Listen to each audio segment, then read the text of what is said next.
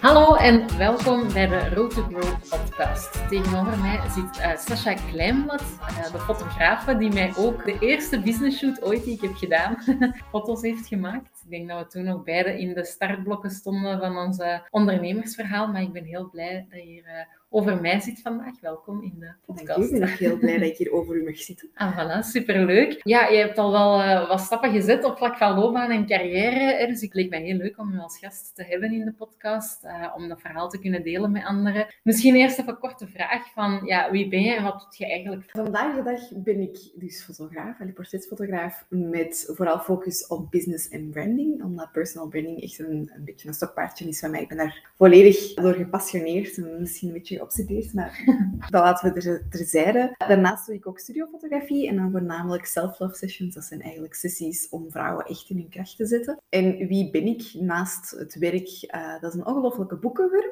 Een introverte persoonlijkheid wel eerder sociaal genoeg. Mm -hmm. Maar als ik moet kiezen tussen... Zou je niet voor een volle aula zitten of zo? Ik zal dat wel overleven, maar ja? ik heb daarna dan wel wat oplaadtijd nodig. Ja. Als ik moet kiezen tussen gaan feesten in het weekend of in mijn zetel zitten met een boek, dan zal ik uh, zeker voor dat boek kiezen. Verder ja, we wonen mijn vriend en ik samen met onze toffe golden retriever. En je zult mij af en toe ook wel eens al paardrijden terugvinden. Ja, zo. Leuk. Ja, je hebt al wel, ja, je zei ook nog redelijk jong, maar best op professioneel vlak al wel wat dingen gedaan. En dan, hè, voordat je op dat ondernemerspad bent gekomen, vertel misschien zoiets van aan je studies. Ja, dus ik ben begonnen met dierengeneeskunde, omdat ja, dieren zijn ook echt een grote passie van mij. Ja. En omdat ik niet goed wist wat ik moest studeren, en ik kon eigenlijk niet zo goed kiezen, dacht ik van, weet je, ik ga gewoon dierenarts proberen worden, want dat heb ik vroeger als kind altijd gewillen. Ja. En ik heb dat dan geprobeerd. Ik heb dat anderhalf jaar volgehouden, okay. om dan te beseffen van, eigenlijk is dat mijn droom helemaal niet, en heb ik nog zoveel andere interesses die ik wil onderzoeken en achterna mm -hmm. wil gaan. En om dierenarts te worden, moet je er echt wel 100% van overtuigd ja. zijn dat dat is wat je wilt. Dat is een enorm zware, zware studie. Ja, Nadien ook, ook een zware job, inderdaad. Dus als je dat niet 100% wilt doen, dan is die studie mm -hmm. echt gewoon loodzwaar. En wat miste je dan? Was dat duidelijk voor je op dat moment? Waarom dat het niet voor ja, je was creativiteit. Ja, ja okay. echt wel. Uh, dat was heel duidelijk. En ik had ook geen tijd meer om creatief te zijn. Dus ik kwijnde eigenlijk gewoon een beetje weg. Ja. Want als ik niet op school zat, dan was ik aan het studeren. Uh, om toch maar gewoon bij te benen. En ik ben al heel mijn leven super creatief en daar had ik dus gewoon geen plek meer voor. Nee, dus eigenlijk echt gewoon gevoelde toen al van ik ga daar niet mijn talent in kunnen exact. inzetten. Ja, ja, inderdaad. Totaal niet beseffend dat creatief zijn mijn talent was, ja. maar ik voelde wel dat er iets miste. Ja. En dan ben ik op zoek gegaan naar een studie dat wel bij mij paste. Ben ik uitgekomen op de hogeschool, Artesisch Plantijn, bij communicatiemanagement. Want daar mm -hmm. zat naast economie en marketing en zo, zat daar fotografie in, zat daar grafische vormgeving in, daar zat copywriting in. Dus eigenlijk alle dingen die ik graag deed, zaten in die studie. En ik dacht dan ook, oké, okay, dat is algemeen genoeg dat ja. ik nog elke richting kan uitgaan. Ja, want op die moment had je nog niet echt een idee wat je dan wou gaan doen. Nee, totaal nee. niet. Nee. Sociale media was toen ook nog niet zo extreem belangrijk voor je business. Uh, dat is al die jaren meegegroeid ja. met bedrijven. Dus ik dacht ook niet dat ik social media manager wou worden. Of, allee, het was nee. echt... Ik dacht gewoon, ik ga die studie doen en dan heb ik nog drie jaar om te besluiten wat ik wil ja. doen. En dan na die studie wist ik het eigenlijk nog altijd niet zo goed. Dus ik heb een stage gedaan in een reclamebureau, omdat ik toen eigenlijk dacht van, ah, in een groot reclamebureau, dat zou wel tof zijn. Ik wou accountmanager worden. Ik had er dan drie maanden stage in gedaan en besefte ik, ik wil helemaal geen accountmanager worden. en waarom niet? Het kan misschien wel te maken hebben met mijn stageplek, maar die was ook weer niet creatief genoeg voor mij. Mm -hmm. Want als accountmanager zijt je de schakel tussen de klant en het bureau. Maar ik werd veel meer aangetrokken tot de kant van, van de creatives. Ja. Maar dan, omdat ik in zo'n groot bureau had gewerkt, wat dat eigenlijk voor mijn introverte persoonlijkheid niet zo ideaal was, werd ik zo afgeschrikt van de reclame. Ja, dat is eigenlijk ook al wel een mooi inzicht dat je zegt van, ik merkte als meer introverte persoon dat ik eigenlijk niet in die dat soort organisatie of Ja. context niet zo goed... Want binnen die reclamecultuur is het ook wel heel veel socializen netwerken. En daar zag ik mijn eigen niet echt in. Nee. Ook niet omdat het allemaal zo snel moet gaan. Uh, ik ben iemand die vaak veel tijd nodig heeft om dingen te verwerken. En in de reclame het gaat allemaal snel Ja. moet bewegen. En als je geen ideeën hebt, ja, dan is er een probleem. Dus Ja.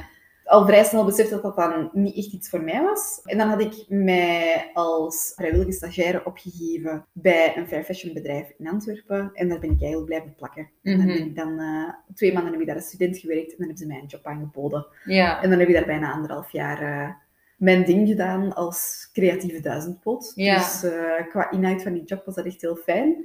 En dan was ik daar zo wel op uitgekeken, ben ik iets anders gaan zoeken en kon ik als communicatiemanager aan de slag bij een uitgeverij voor kinderboeken. Oké. Dat heeft ongeveer een jaar geduurd en dan ben ik toch teruggegaan naar mijn eerste job voor iets meer dan een half jaar om dan echt te besluiten van ik wil voor mezelf beginnen, want die honger was er altijd wel. Mhm. Op die tweede job, op die uitgeverij, ben ik ook door ja, reden dat er niet echt toe doen ontslagen geweest. Mhm. En toen zei mijn toenmalige baas al tegen mij, je hebt eigenlijk echt wel het in u om zelfstandige te worden. Mhm. Was dat iets waar dat je daarvoor al over had nagedacht? God, totaal niet, omdat dat mij financieel heel erg afschrikte. Om Ja. echt volledig voor je eigen loon in te staan. Ik was heel content met mijn loon op het einde van de maand, op mijn Mhm. rekening. Ik moest me geen zorgen maken, ik kon mijn huur goed betalen. Ik deed mijn job graag.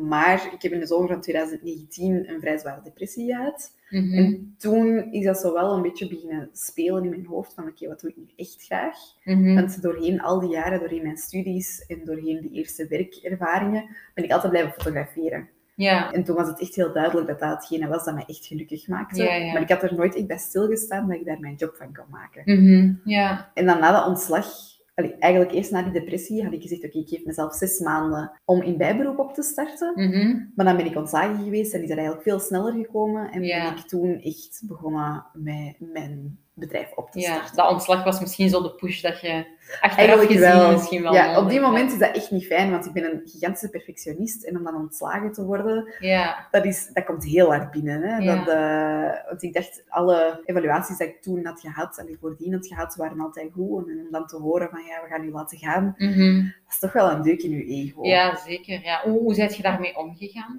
Goede vraag eigenlijk. Ik heb daar niet te lang bij stilgestaan.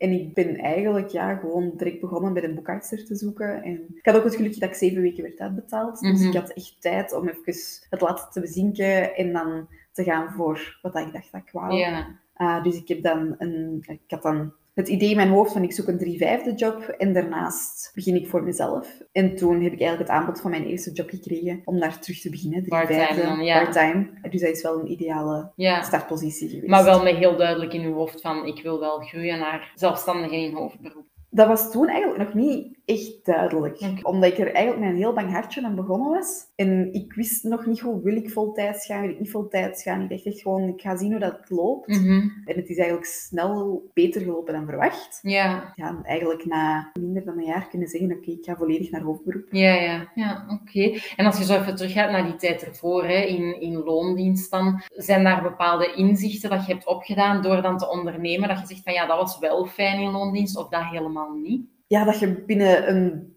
vrij beperkt aantal uren een mooi loon hebt op het einde van de maand. Ja. En dat je daar niet over moet nadenken. Want ja, ik denk dat je er toen nog niet bij was. We zijn vorige week dan samen op Ja. geweest.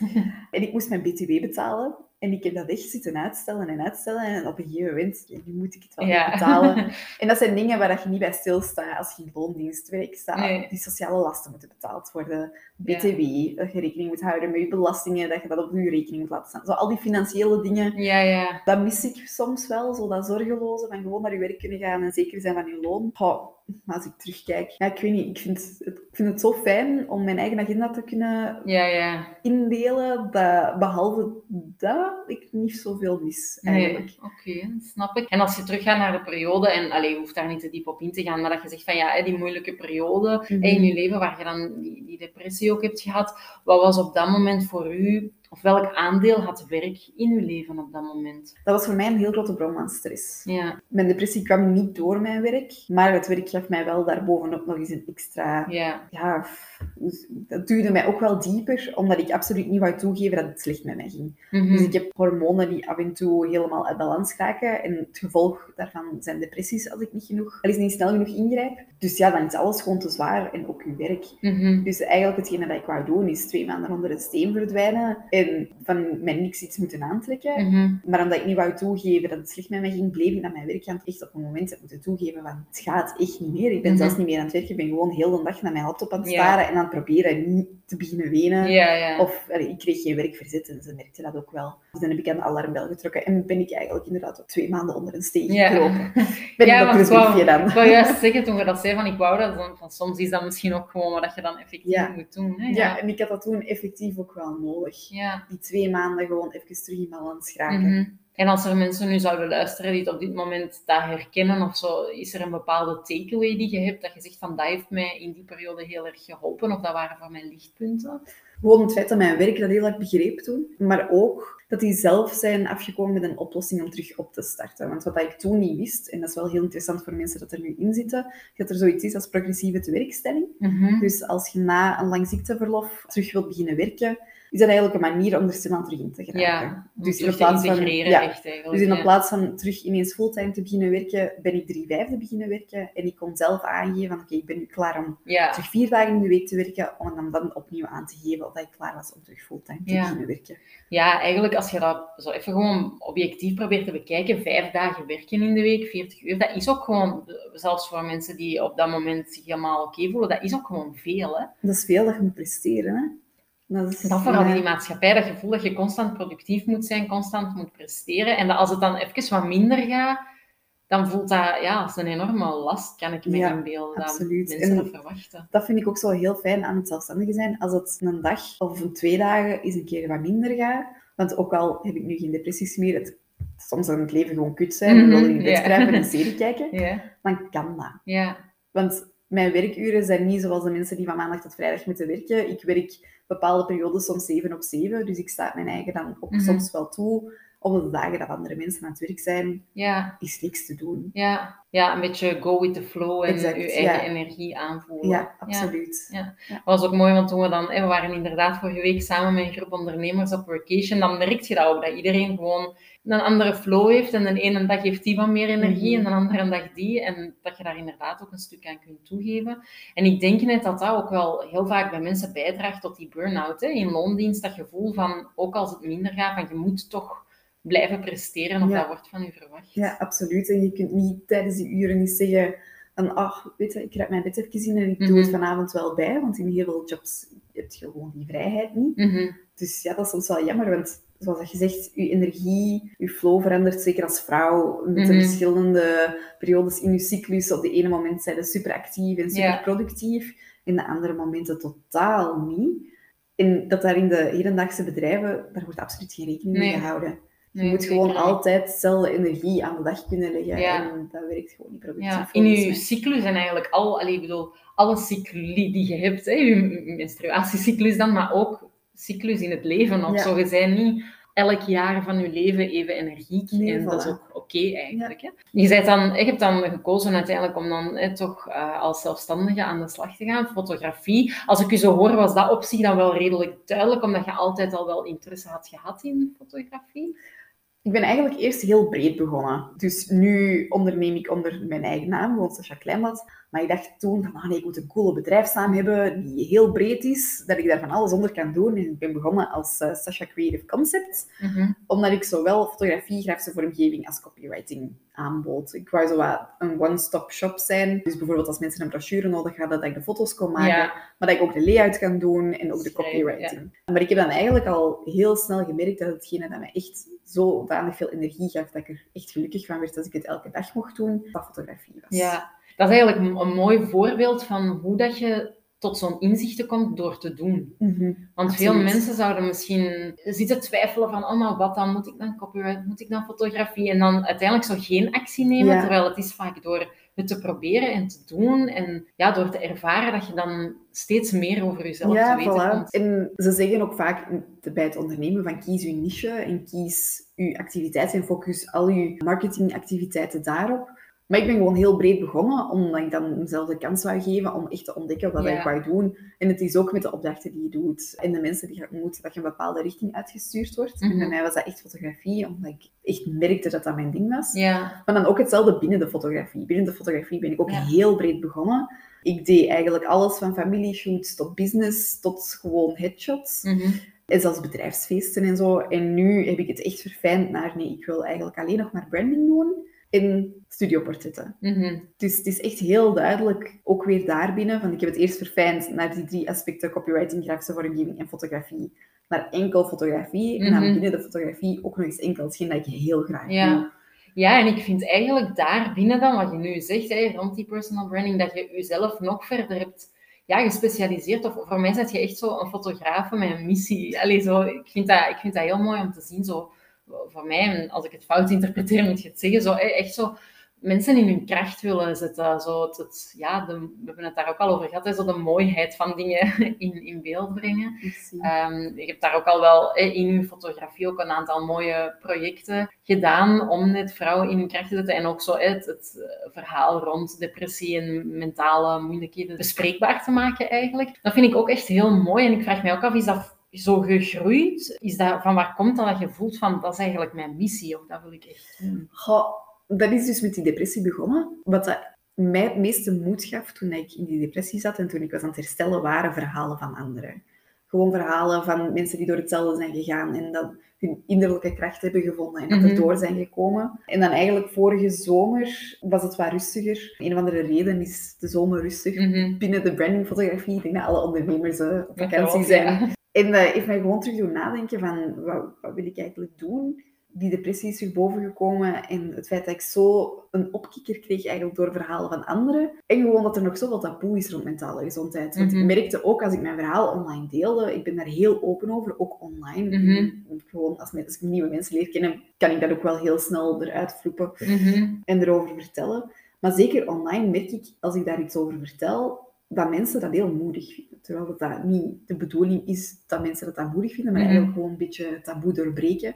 En ik heb ook berichten gekregen van mensen die dan zeiden, het is dankzij u dat ik naar een psycholoog ben gestapt. dus door uw verhaal te lezen en daar herkenning in te vinden, dat ik heb beseft dat dat niet per se... Dat, dat, dat betekent niet dat er iets mis is met mij, ik ben gewoon ziek. Dus daar ben ik eigenlijk verder over beginnen nadenken. Van als ik nu eens andere vrouwen hun verhaal laat vertellen en daar krachtige foto's aan koppel, dan kunnen eigenlijk een soort van ja, golf creëren van verhalen die de wereld ingaan. Want als die vrouwen dan ook weer een ander publiek bereiken dan naar hen stuurt, want het is dankzij uw verhaal dat ik het heb aangedurfd om hulp te zoeken, ja, ja met een heel klein beetje moeite creëert je echt een enorme impact. Ja, dat waren dan die self-love Nee, dat was de Inner Power Project. Ah, ja, ja, ja, het lijkt op elkaar. Maar de Inner Power Project zijn 25 verhalen met 25 uh, eh, shoots van allemaal vrouwen die door hun eigen persoonlijke hel zijn gegaan. Mhm. Maar los daarvan bied ik ook nog self-love sessions aan. En er is eigenlijk, omdat wij als vrouwen vaak een reden moeten hebben om foto's van onszelf te laten maken. Oftewel een verloving of een zwangerschap. Ja, of, waar. oh jee, ik ben 10 kilo afgevallen en ik wil dat niet voor eeuwig vastleggen. Uh, er moet altijd iets achter zitten. Terwijl ik ervan overtuigd ben dat je als vrouw ook jezelf mocht vieren zoals dat je nu bent. Ja. En vandaar eigenlijk die self-love sessions om vrouwen de kans te geven om zichzelf te laten fotograferen hoe dat ze nu zijn. Mhm. Want hoe dat je nu zei, je bent een work in progress. Je hoeft niet perfect te zijn, want perfectie is, ja, dat is een doel dat je nastreeft dat je waarschijnlijk nooit gaat bereiken in je eigen hoofd. Dus het is eigenlijk een soort van ja, tool om vrouwen te helpen te doen beseffen dat ze goed genoeg zijn hoe mhm. dat ze nu zijn. En dat ze zich nu, hoe dat ze nu zijn, ook mogen vieren. Dat is heel dus mooi. Heb je zo tips voor mensen? Want ik denk dat heel veel mensen zoiets hebben van, oh, ik wil weten wat mijn passie is, of zo, dit dan misschien horen en denken, oh, zo'n missie, dat wil ik ook. Bestaan er, denk je, überhaupt tips om aan mensen te geven om dat te ontdekken, die missie? Goh, ja en nee. Ik krijg het soms een klein beetje op mijn heupen van je moet een passie hebben. Mhm. Ik ben ervan overtuigd dat je talenten hebt, die dat je kunt ontplooien en dat je daarvan een passie kunt maken. En ik heb mijn passie gevonden, dus ik ben daar heel gelukkig mee. Maar er zijn genoeg mensen die struggelen met, ik doe van alles graag, maar wat is nu mhm. mijn passie? En zo, dat is echt heel eigen tijd voor onze generatie, van je moet je één, allez, je één passie hebben en daar vol een bak voor gaan. Terwijl je kunt perfect multipassionate zijn. En verschillende dingen graag doen. Dus ik denk eigenlijk vooral, als er dingen zijn dat je graag doet, geef jezelf de tijd en de kans om die te doen ontwikkelen. Ja. Um, en dicht bij jezelf blijven, denk ik. Niet vooral dat, om je eigen missie te vinden, denk je dat je vooral inderdaad dicht bij jezelf moet blijven. Want bij mij is het gekomen vanuit depressie. En dat is iets mhm. dat niemand wil meemaken. Ja, ik vind het niet fijn dat ik het heb meegemaakt, maar ik ben er wel dankbaar voor mhm. dat, het op, dat het is gebeurd. Want daar is iets heel mooi uit kunnen groeien. Ik denk dat ik daarom misschien ook zo'n fan ben van personal branding, om... Dat ook u echt uitdaagt om dicht bij jezelf te blijven en op die manier uw bedrijf te doen groeien. Dus ja, ik denk dat dat de beste tip is om uw missie te vinden. Blijf gewoon dicht bij jezelf. Als uw missie is om straatkatten te redden, dan hoef je daar niet per se een beroep van te maken, maar dan heb je het ook gevonden. Dat is waar, ja. Er hoeft niet altijd een bedrijf van gemaakt te worden. Want nee, dat merk ik ook. Wat ik trouwens even heel mooi vind, dat je zo zegt van die depressie, van echt, je wilt dat niet meemaken, maar tegelijk ben ik ook wel dankbaar. Omdat ik had ook iemand in een andere podcastaflevering die eigenlijk net hetzelfde zei over haar burn-out. Dus dat is wel... Allee, dat is mooi en ik hoor dat wel vaker van enerzijds, ja, je wilt het niet meemaken, want je moet het niet mooier maken dan het is. Het is, het is een heel zware periode, maar dat mensen daar dan toch uit zo'n periode ergens de kracht halen om dichter bij zichzelf te komen Ja. en daar wel ja, te benutten op toch nog een positieve manier voor de rest van hun leven dan. Ja, maar dat is heel moeilijk, hè, want ik ga er nu zo losjes over. Maar Mhm. hoe lang ik heb gestruggeld met toe te geven dat het niet goed ging. Ja, ja. Dat is echt eh, En was het dan naar uzelf toe of naar de omgeving? beide. Naar mezelf toe. Want ik had in mijn tienerjaren er al eens last van gehad. eh, omdat dat ja, hormonaal gekoppeld is. Mhm. En ik wou echt niet toegeven dat dat terug was. Dat dat terug zo slecht ging. Ik wou het niet laten zien dat het zodanig slecht ging dat ik niet meer kon functioneren. Ik wou Mhm. gewoon normaal zijn, tussen aanhalingstekens. En dat Ja. heeft echt een heel lang... Het is een heel lang proces geweest om te kunnen toegeven, want het is oké om even niet oké te zijn. Dat is ook zo de zin van dat Inner Power Project. Het is oké om niet oké te zijn en het is ook oké om te tonen aan anderen. Had je nog het gevoel dat dat dan echt taboe was? In mijn eigen persoonlijke omgeving gelukkig niet. Maar ik heb daar toch nog wel een gevoel, allee, heel erg het gevoel dat het taboe is, omdat zoveel mensen er niet over durven Mhm. praten. Ja. Maar ik ben ervan ook overtuigd dat het is door erover te praten, dat het ja, taboe doorbroken wordt. Ja, ja dat, is, dat is eigenlijk gek, hè, want tegelijk is het zoiets actueel en weet je dat het ja, in onze huidige maatschappij ook wel al een, een probleem is ondertussen. Hè. Heel veel mensen die, die daar tegenaan lopen. Tegelijk zo gek dat het dan toch nog als een taboe blijft aanvoelen. Hè, dat mensen het toch nog altijd moeilijk vinden. Het speelt natuurlijk ook met onze online representatie mee. Ja. Als je online alleen maar gelukkige mensen ziet, Ja. Dan denk je dat er iets mis is met u als je even niet gelukkig bent. Ja, je krijgt een heel vertekend beeld. Ja. En ik merk zo onder ons als ondernemers, als je heel veel andere ondernemers volgt, komt er al zo wel iets meer bewustzijn. Want er zijn wel steeds meer ondernemers, heb ik het gevoel, die wel een eerlijk verhaal willen brengen en ook zo de downside soms Mhm. tonen. Maar buiten die ondernemerswereld, als ik nu puur kijk naar zo vriendinnen of, of mijn omgeving op social media, daar is dat totaal nog niet. Dan is het Mhm. op social media alleen maar happy de peppy en Ja. het gaat allemaal supergoed en eh, allemaal heel rooskleurig. Terwijl je dan soms weet van vriendinnen of zo dat dat eigenlijk niet zo is. Ja, Er is inderdaad. de vraag zo van waar komt zo die nood om aan de buitenwereld te tonen dat alles goed gaat. Hè? Ja, onze drang naar perfectie, vrees ik. zie, Ja. Maar ik merk die beweging ook wel heel hard bij ondernemers Ja. en bij, ik denk, meer vrouwen dan mannen ook Ja. wel, om daar echt open en eerlijk over te zijn. En dan merk je ook wel aan de comments dat dat heel hard geapprecieerd wordt. Even terug naar uw, uw loopbaan dan. Hè. Heb jij voor uzelf zo een duidelijk beeld nu op hoe dat uw loopbaan er in de toekomst uitziet? Oeh, goeie vraag. Nee, eigenlijk niet. Eh, hoe dat tot nu is gelopen was echt wel go with the flow. En de flow is heel snel in een juiste richting gegaan. Ja, nee, ik denk dat ik het gewoon een beetje ga aanzien. En wat heeft het parcours tot nu toe, met al wat- er is bij komen kijken, u misschien al het meest geleerd? Dat is een heel goede vraag. Nu moet ik zien dat ik iets echt diepzinnig moet zeggen. Nee, soms, dat, ma- dat mag, maar soms kan het ook net heel simpel zijn. Ik denk eigenlijk een beetje waar we het juist ook over hadden. Uw belangrijkste bron is uw eigen energie. Mhm. Vanuit uw energie creëert je. Dus je moet er echt wel rekening mee houden als het even niet gaat, dat je mocht opladen. Mhm. Als je batterij moet opladen, gun jezelf die tijd. Want er heeft niemand iets aan, en al zeker jij niet, als je denkt dat je van alles moet bewijzen en als ondernemer jezelf te plitter werkt. Ja, Want er zijn niet alleen burn-outs in het bedrijfsleven. nee, Ik denk dat ondernemers, en zeker perfectionistische ondernemers, Mhm. daar ben ik er ook eentje van, ook heel snel tegen de muur kunnen lopen. Ja. ja, en ik denk dat dat toch nog altijd vaak zo'n beetje een misvatting is. Dat veel mensen nog steeds denken van burn-out is als je je job niet graag doet. Mhm. Hè? Of burn-out is als je ergens zit waar je niet graag zit. Terwijl dat zeker niet altijd het geval is. Dat kan, hè? dat mensen voelen van ja, er is echt geen fit met de job. Maar heel vaak gaat het net om mensen die wel echt gepassioneerd zijn, heel perfectionistisch zijn, de lat hoog leggen voor zichzelf, gaan pleasen. Dat dat mensen zijn die opbranden en dan als ze opbranden met die karaktereigenschappen, zich dan ook nog eens heel schuldig voelen Ja, vaak. absoluut. Dus dat is denk ik zo nog vaak een misvatting dat mensen ook het moeilijk vinden om bewust te worden van oei, misschien, of signalen op te pikken van misschien ben ik richting burn-out aan het gaan, Mhm. omdat ze zoiets hebben van ja, maar ik doe de job op zich wel graag. Ja, ja, en dat is ook heel vaak de reden waarom dat mensen niet snel genoeg op de gaan staan. Hè? Zeggen van, maar Ja. ik doe dit graag, waarom Ja. voel ik mij zo? Ja, En dat people pleasen is daar ook een heel belangrijke in, Ja. En ze- zeker als ondernemer, omdat je voor klanten werkt en dan je eigen klanten vaak, kun je heel ver gaan in dat people Mhm. pleasen. Dus dat is echt wel Ja. iets waar je je van bewust moet worden. Ja, en ook weer dicht bij jezelf blijven. Ja. Dat is ook iets dat je echt moet doen als ondernemer. ja, inderdaad. Dat pleasen, dat is iets denk ik dat heel veel mensen wel herkennen. Ja, ik heb dat Ook- zelf ook heel hard Ja, hoor. ik ook. Ja. En dat is, dat is een proces, hè. je leert dat wel. Ik weet niet of je daar ooit helemaal vanaf geraakt, wou ik zeggen. En dat moet misschien ook niet, want ergens is dat ook wel een kracht of een talent. Hè?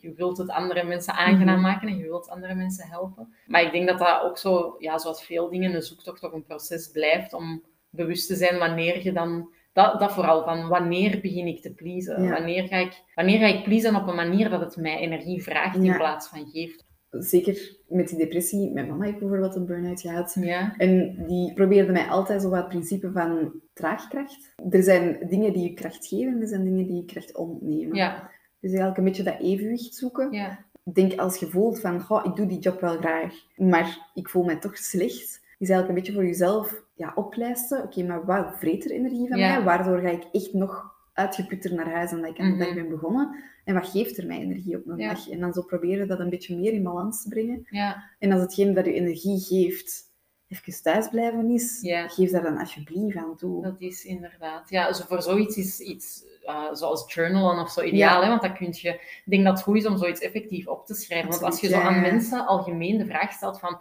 en wat geeft u energie, dan kijken die vaak zo naar u van uh, dat, dat weet ik niet.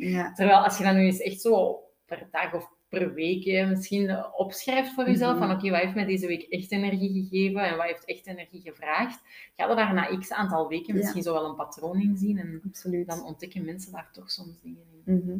ja. Nog even zo terugkomen op, je zei daar net iets van, um, ja, soms uh, ga ik wel op mijn achterste poten of zoiets van het over passie, dat je zo één mhm. passie moet hebben. En toen had je het over zo meer multipassionate zijn of meerdere passies hebben. Wat ik ook soms merk is, of mezelf soms afvraag van moet je überhaupt een passie hebben en moet dat dan ook uw werk zijn?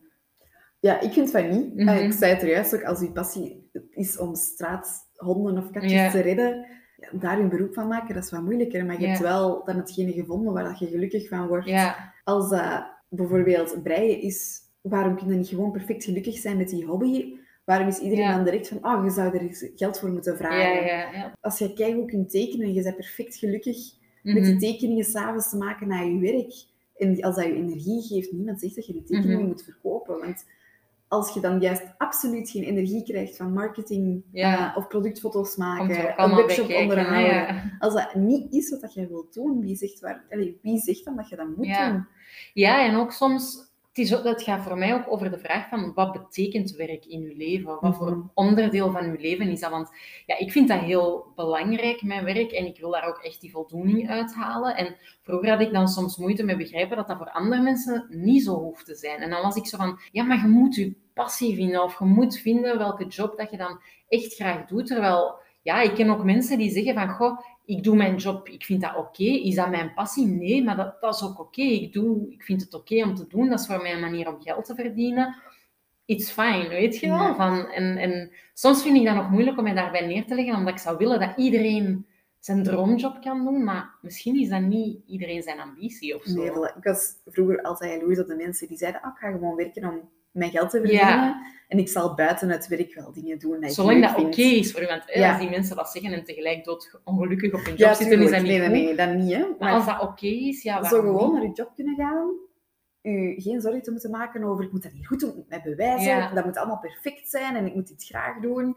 Nee, het zou zalig zijn. Ja. Maar bon. vraag mij af of dat er veel mensen zo zijn. Ik denk dat we met heel veel mensen zo dat gevoel hebben van druk en moeten presteren en ja, is dat ook, als je dan echt zo naar het diepste van de kern gaat, zou het dan ook niet altijd toch een stuk met ego ook te maken hebben? Dat gaat er wel mee te maken hebben. Want wie vindt het niet leuk om een schouderklopje te krijgen en te, te, horen van, ah, dat heb je nu eens echt goed gedaan. Ja. Ik ben daar nog altijd heel gevoelig aan, ja. aan, aan schouderklopjes. En ook als kind enorm, hè? als je 9 op 10 al ja. doet en je kwam kei trots thuis en leerkrachten en ouders zeggen van, ah, maar kijk hoe... Ja ja, dat, dat werkt verslavend. Mm En dan gaat het daar verder en verder in om, om dat niveau te kunnen blijven mhm. behouden en die schouderklopjes te kunnen blijven krijgen. Ja. Uh, dus ja, zeker dat daar ego mee gemoeid is. Dat mag ook ergens wel, hè? mag, ja, tuurlijk.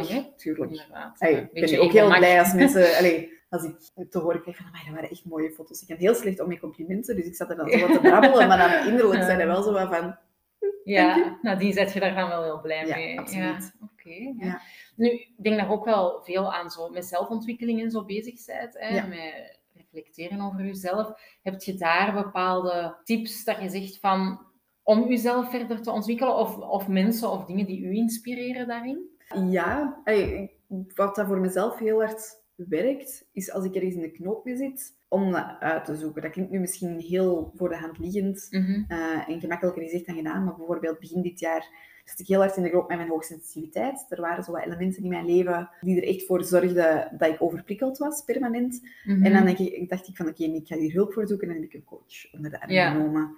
Klinkt Ehm, inderdaad heel evident, maar ik denk dat bijna niemand het doet.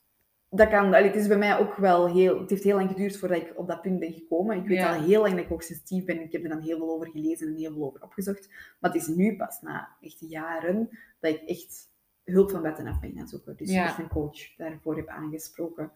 Uh, maar ik denk, als je even stilstaat, dat het heel snel heel duidelijk is waar je blokkades zitten. Mhm. Maar dat je het gewoon vaak niet wil toegeven aan jezelf. Ja. En dan kan zo iemand die u even een spiegel voorhoudt, Ja. daar wel heel hard in helpen. Absoluut. Ja.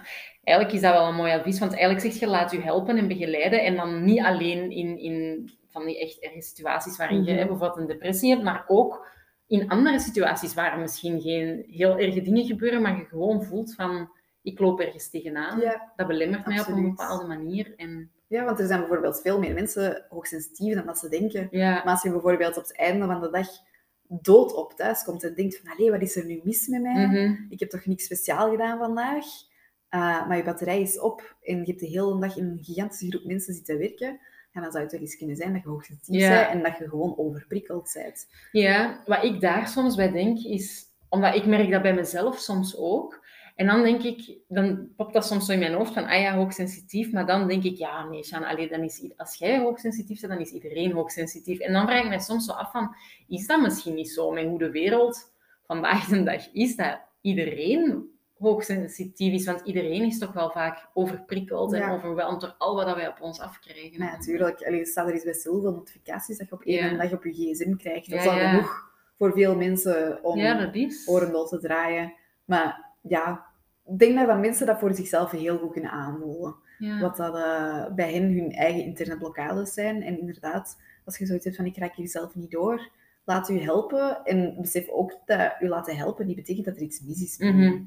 We werken gewoon allemaal op andere manieren. En de manier die voor u werkt, zal misschien niet voor een vriendin van u werken. Mhm. Maar dat maakt niet uit, zolang dat jij je er maar goed bij voelt. Ja, wat ik daar dan ook heel hard merk is, zo onder ondernemers merk je, er is echt wel vaak een cultuur, of toch dat merk ik rondom mij, van in jezelf investeren Ja. en groeien. En daar ook letterlijk investeren financieel. Daar Ja, echt niet alleen tijd, maar budget voor maken Mhm. om te groeien. Ik merk zelf, omdat ik mij als loopbaancoach natuurlijk ook voor een groot stuk richt op particulieren, dat dat daar toch ja, nog een andere mindset is en moeilijker is voor mensen om effectief geld in zichzelf te investeren. Is dat iets dat je ook zou herkennen? Of, of heb je daar tips voor mensen van, van leer in jezelf investeren? Ik denk dat dat daar heel moeilijk is. Bij het ondernemen, als je investeert in coaching, heb je return on investment. Mhm. Als je als particulier investeert in coaching, ja, je gaat persoonlijk groeien, maar je bedrijf... allee, of- Ja, je hebt geen bedrijf je, dat je gaat geen geld daarmee terugverdienen. Ik heb het daar persoonlijk soms ook nog altijd heel moeilijk mee. In mijn zaak zal ik heel snel investeren in een nieuwe camera of een nieuwe flitser of weet Mhm. ik veel wat, omdat ik weet dat gaat zijn eigen terugverdienen. Ja, Maar als ik privé geld moet uitgeven, oftewel koop ik een jaar lang geen schoenen, omdat ik denk van ja, nee, pff, dat is toch nog niet echt nodig. Ik zal deze versleten paar nog wel even afdragen. Mhm. Of ik koop ineens vier nieuwe paar, Ja. allee, nieuwe, nieuwe paar schoenen. ja. Het is, ik heb het heel moeilijk om privé geld aan mezelf uit te geven. Eh, Algemeen allee, dat is dan Algemeen. Nu wel heel hard verbeterd hoor. Want ik weet ook, dat is een soort van uitwisseling van energie ook weer als dat nieuwe kleedje mij gelukkig gaat maken, niet gewoon de aankoop, dus niet zoals shopaholic stijl, maar als ik weet van, ik heb dat verdiend, je mocht jezelf even iets gunnen, ja, dan gaat mij dat op lange termijn ook wel gelukkig maken. En met coaching is dat hetzelfde, want ik mag mij dat gunnen. Ik mag persoonlijk groeien, want dat gaat mij op lange termijn ook gelukkig Ja. maken. Dat is misschien een mooie om als zo een beetje oefening of zo mee te geven in de podcast. Hè. Ja, als je nu aan het luisteren bent van... Allee, denk daar eens over na en schrijf dat eens op. Van wat wilt je jezelf gunnen de komende maand of zo? Wat gaat je in jezelf investeren? Exact. Ja. Dat is wel een leuke. Eh, Ik geef mezelf regelmatig cadeautjes. Ja. En dat kan stom zijn van een gezelschapsspel, maar dat kan bijvoorbeeld ook eens iets duurder zijn. Een En- coaching of zo? Een coaching of zo. Of eh, wat is het onlangs geweest? Ja, ik ben zowel van de betekenisvolle juwelen bijvoorbeeld. Dus ja, allee, zo op kantelpunten in mijn leven. Ik, ja, ik heb verschillende ringen aan bijvoorbeeld. Koop ik voor mijn eigen ring en dan mag het wel eens Ah, niet dat dat honderden euro's Ja, is, hè. ja, maar, maar, Uh, maar dan mag het wel eens iets meer zijn dan Ja. 25 euro bijvoorbeeld. Omdat ik wil dat dat lang meegaat. Dat zijn zo de dingen dat mij dan ook gelukkig maken. Ik heb dat elke Ja. dag aan. En als ik daar naar kijk, dan denk ik ook weer van... Ik heb dat dat. mezelf gegeven. Ja, voilà. Het gaat niet enkel om dat materiaal dat je dan hebt, maar om de betekenis die daarachter Ja. zit van je hebt jezelf dat je gunt. En ik denk dat dat één iets is met materialistische dingen.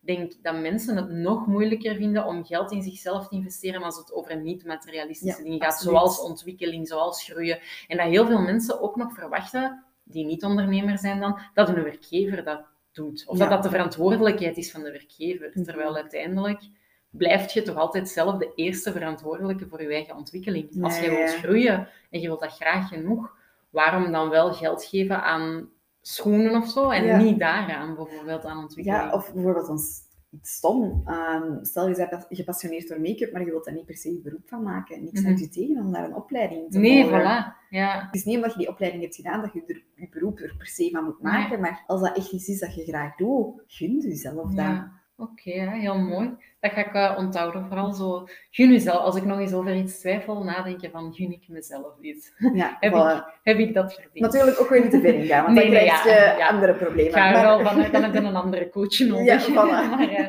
nee, maar inderdaad, wel heel mooi. Ja, een mooi verhaal ook. Ik weet niet of je zelf nog dingen hebt dat je zegt van ja, dat wil ik nog meegeven. Misschien als mensen vragen hebben over hormonale depressies, dat ze mij altijd een berichtje mogen sturen.